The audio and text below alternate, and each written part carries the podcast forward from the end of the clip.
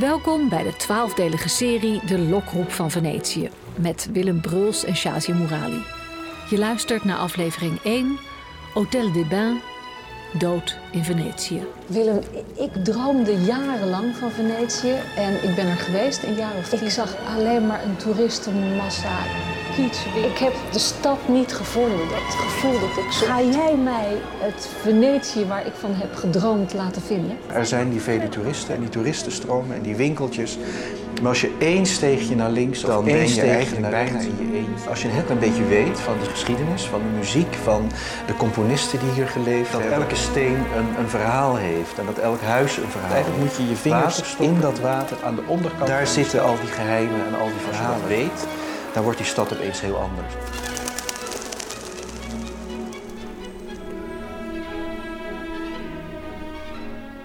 In die bars, restaurants en hotels strijken nu, nu reeds in mei, de maand vroeger der lieflijke stilte, de horden neer. De vreselijke horden van Duitse, Oostenrijkse en Hongaarse toeristen. Die horden van hunnen overweldigen het smalle eiland van vroegere eenzaamheid, liefde en poëzie. En zij is teruggeweken, die trits van gratien.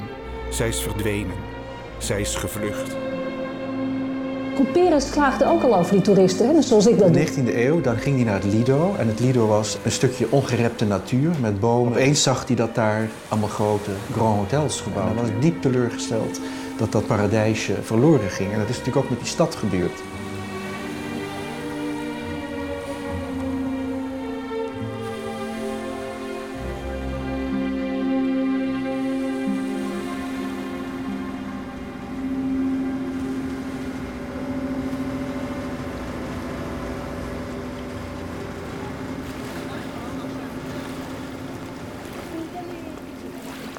Willem, welk deel van Venetië heb je me mee naartoe genomen?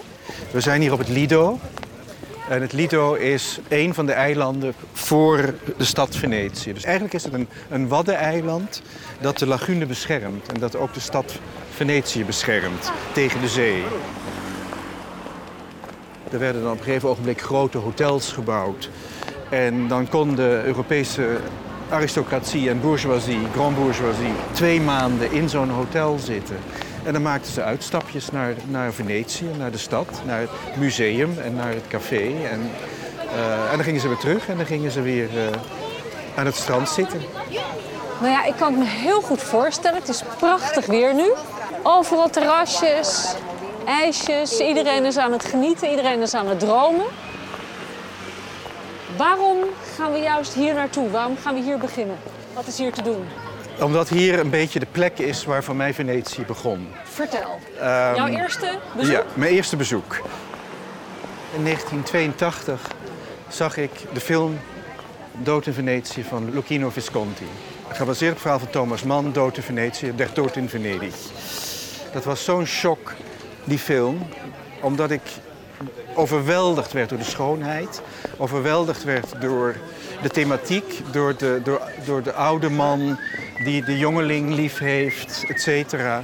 Ik vond het zo'n fascinerende film. En ik, toen ik die film gezien had, dacht ik, ik moet dat zien, ik moet daar zijn. Maar het was ook ongelooflijk treurig. Het eindigt met Dirk Bogarde, de hoofdrolspeler, die zijn haar heeft geverfd om jong te zijn. te zijn voor die jongeman.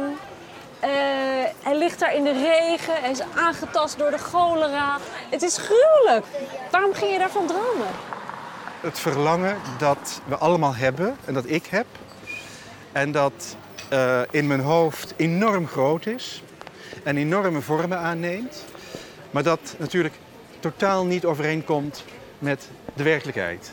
En dat misschien niet vervuld wordt en uh, niet vervuld kan worden. En dat, die, die discrepantie, die pijn, dat is iets wat mij wel ook enorm bezighoudt en ook persoonlijk bezighoudt.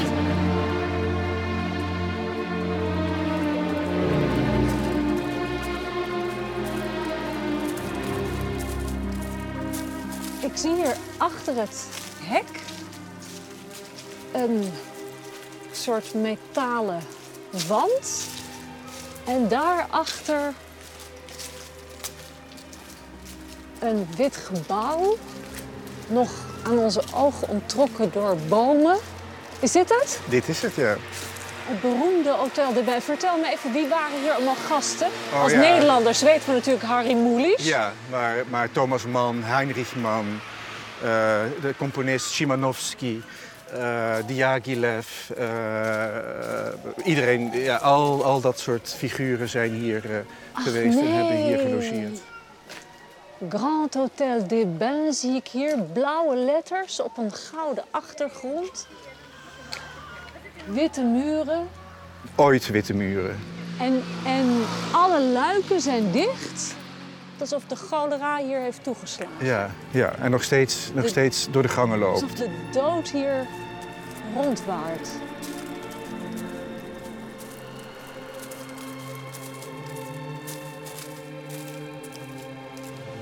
Als ik hier sta, dan hoor ik Maler. Wat hoor jij? Ik hoor, ik hoor voornamelijk Mahler. Eh, dat is een, een vondst van Visconti. Dat is, Thomas Mann was hier in Hotel de Bain zelf in 1911. Toen Mahler overleed. Ehm, hij wist al dat hij ziek was. Ehm, en hij heeft bewust geprobeerd om die figuur van Aschenbach... de gelaatstrekken van Gustav Mahler te geven. Hij was een grote fan van Mahler, eh, Thomas Mann. En wat is dan de interpretatie van Benjamin Britten van datzelfde verhaal? Want dat is een derde laag weer.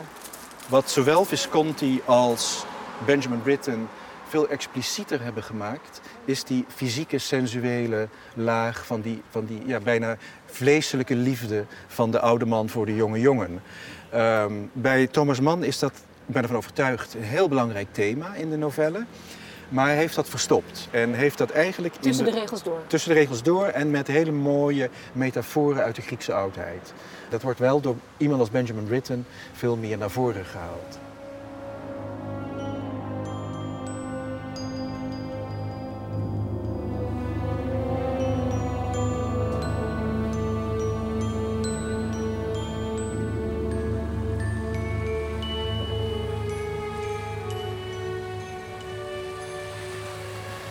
Er zijn drie lagen. Er is de laag van de, van de zee. Echt van de zee, van, van de natuur. Het zijn ook heel vaak strijkers, strijkersklanken. Dus deze golven die wij nu horen, hoor je in de opera. Hoor je in de opera. Wauw. Dan is er eh, Aschenbach, die, die eigenlijk heel rationeel is. Dat is een man die eigenlijk niet zingt, maar, maar reciteert. Heel minimaal, voor grote delen.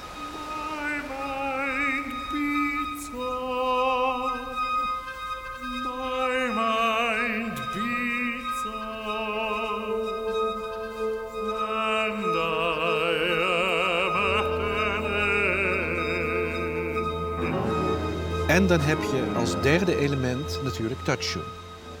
Een Tatshu is heel interessant bij Benjamin Britten, want het is geen zanger, die heeft geen taal.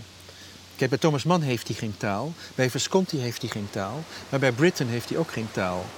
Dat is een, eigenlijk een partij die hij gecomponeerd heeft voor een balletdanser. Hij wilde natuurlijk ook zorgen dat er geen lelijke zanger een partij moest zingen van een jonge jongen die aantrekkelijk moest zijn. Het grote probleem dat we vaak in opera hebben.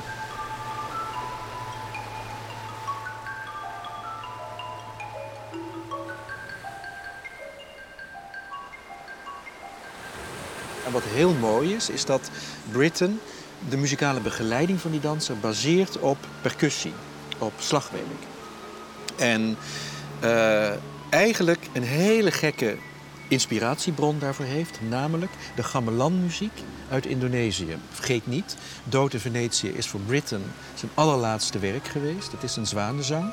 Hij stierf daarna, maar heeft dus in die laatste opera die, die herinneringen van die exotische Oriëntaalse klanken heeft hij gekoppeld aan die fysieke schoonheid van Tatshu en de danser Tatshu. En dat is het bijzondere van die opera.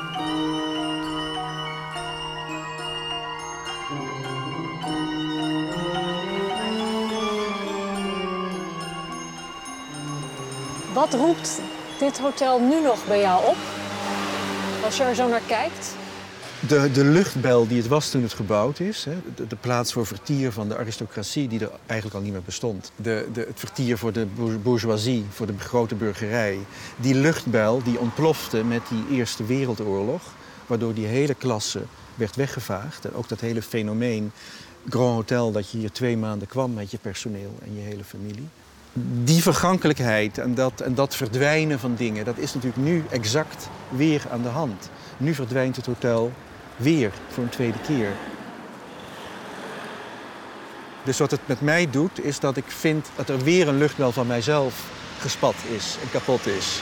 En dat die, dat jongetje dat 19 was en dat hier één nacht moest logeren en die ene kamer had daarboven ergens links, dat dat voorbij is en weg is. Maar Willem, jij komt nou erg op mij over als een verstokte romanticus die zwelgt in de echo's van het verleden. Ja, ik, je hebt helemaal gelijk, ik ben dat. Je bent niet de eerste die het me verwijt.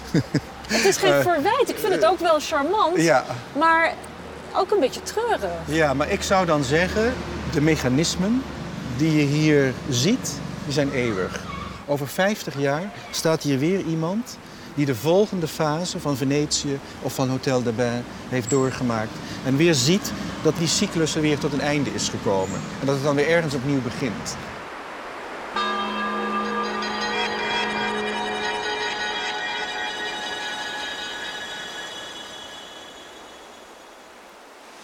Willem, we hebben uitgebreid gesproken over lust en verlangen zonder verlossing. Blijft dat zo? Wat gaan we de volgende keer doen? Die verlossing die laat nog heel lang op zich wachten. um, eigenlijk komen we daar pas bij, bij Richard Wagner uh, aan toe. Of je moet zeggen, de verlossing ligt in de religie, in het katholicisme. En uh, misschien dat we daarom volgende keer eens een kijkje moeten nemen in de San Marco. In de basiliek. Dan gaan we ook helemaal terug naar het begin van Venetië, naar het begin van de stad. Het begin van de muziek in de stad. En daar vinden we misschien een voorlopige verlossing op onze kwellingen van het bestaan. En dan gaan we het hebben over Monteverdi. En dan gaan we het onder andere hebben over Monteverdi. Ik verheug me zeer.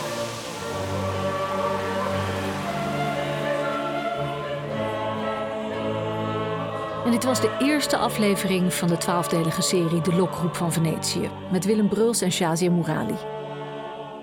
Productie en regie Aletta Becker, sounddesign en techniek Hubert Boon, eindredactie Frans van Gurp. En deze co-productie van NTR en Aletta Becker Producties kwam tot stand met steun van NPO Radio 4 en het NPO Fonds.